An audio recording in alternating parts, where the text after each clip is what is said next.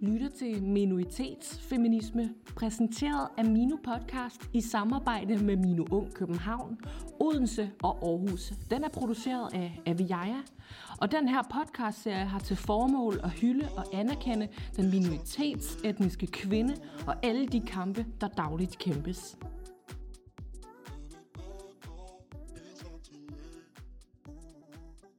Hej, jeg hedder Dina. Jeg er 25 år gammel, og så øh, læser jeg internationale studier på kandidaten i Aarhus, og så er jeg også bestyrelsesmedlem i Mino Ung Aarhus. Kvindernes internationale kampdag den 8. marts. For mig er det en dag, der omhandler diversitet, mangfoldighed og feminisme i sin fineste form. Dagen handler i høj grad om diversitet og mangfoldighed for mig, fordi feminisme for mig bare ikke er noget, der er værd at snakke om, medmindre den er intersektionel. Den intersektionelle feminisme fagner jo vidt og bredt, og den inkluderer ligestilling for alle, uanset køn, gender, etnicitet og klasse. Nogen vil måske mene, at det her brede omfang gør den mindre effektiv end en mere indsnævret form for feminisme. Der er jeg bare stærkt uenig, fordi hvordan kan man nogensinde skabe en bevægelse af et slags fællesskab, hvis ikke den inkluderer en autentisk repræsentation af virkeligheden? Og virkeligheden indebærer altså, at vi som mennesker jo er forskellige. Alligevel er der dog stadig nogle forskelligheder, der ikke er plads til i det større fællesskab. Og det går altså ofte ud over minoriteter. Kvindernes internationale kampdag er for mig en dag, der netop betyder, at selvom vi kvinder er forskellige, og også oplever forskellige slags uretfærdigheder og vilkår, så står vi altså stærkest, hvis vi gør den manglende ligestilling til en fælles kamp. Denne fælles kamp betyder også, at vi som mennesker nogle gange bliver nødt til at kigge ind af og anerkende de privilegier, vi enten er født med eller har opnået igennem vores liv.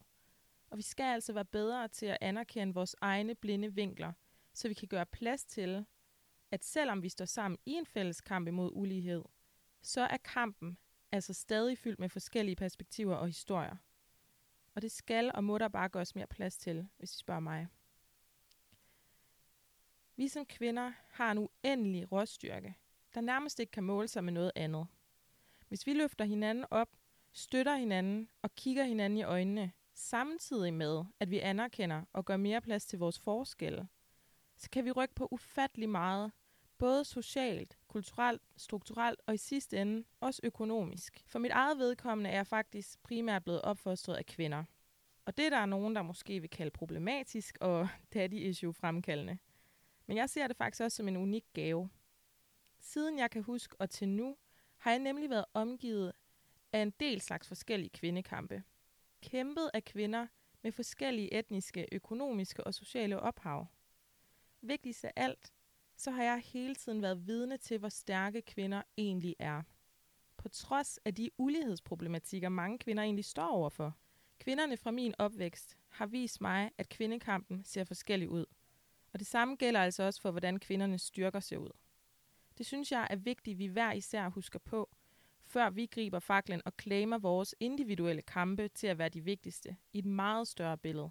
Kvindekampen omhandler jo ikke kun retten til at poste flotte skønhedsidealer på Instagram, selvom at der også skal være plads til det. Jeg synes, den primært handler om retten, men også pladsen til at sige fra over for en dominerende kultur, der befordrer kvinder i alle farver, former og aldre til at efterleve nogle meget særlige roller. Den her kamp er dog ikke let. De her roller, som vi alle sammen på en eller anden måde lever min- mere eller mindre ubevidst under, er jo socialt konstrueret over mange hundrede år. Jeg synes bare ikke, det må tage så lang tid at ændre på dem. I nogle samfundslag, ja selv i Danmark, der er der lang vej til åbne diskussioner om kvindekampe og ulighed.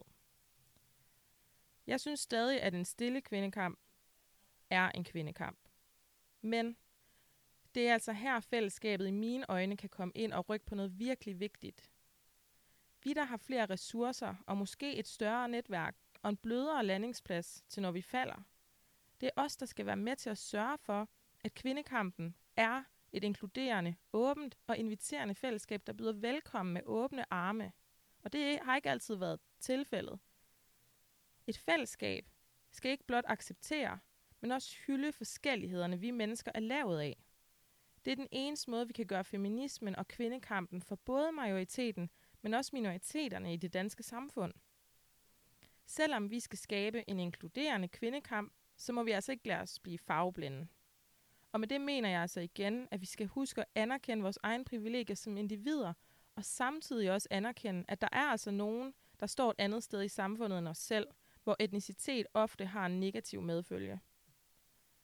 Det kan jo være meget svært. Måske har man ikke den rette viden eller baggrund, der gør, at det kan være let at relatere til den her realitet, nogle minoritetskvinder faktisk står med. Men det ender altså ikke på realiteten.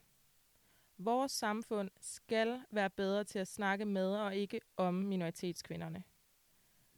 Alt for ofte ser vi, at minoritetskvinders identitet bliver tæsket, fordrejet og derefter rekonstrueret af medierne og politikere.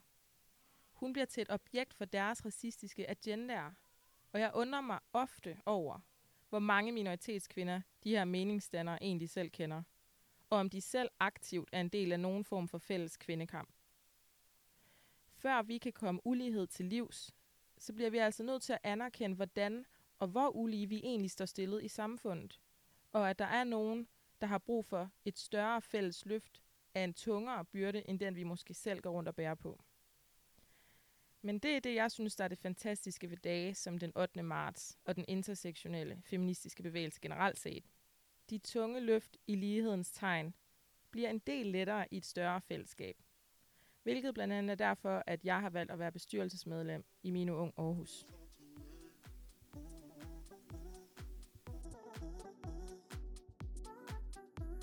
Tak for at lytte med på Minoritetsfeminisme. Vi udgiver et nyt afsnit hver dag i marts måned, så ind og følg med på Spotify og Apple Podcasts. På genlyt!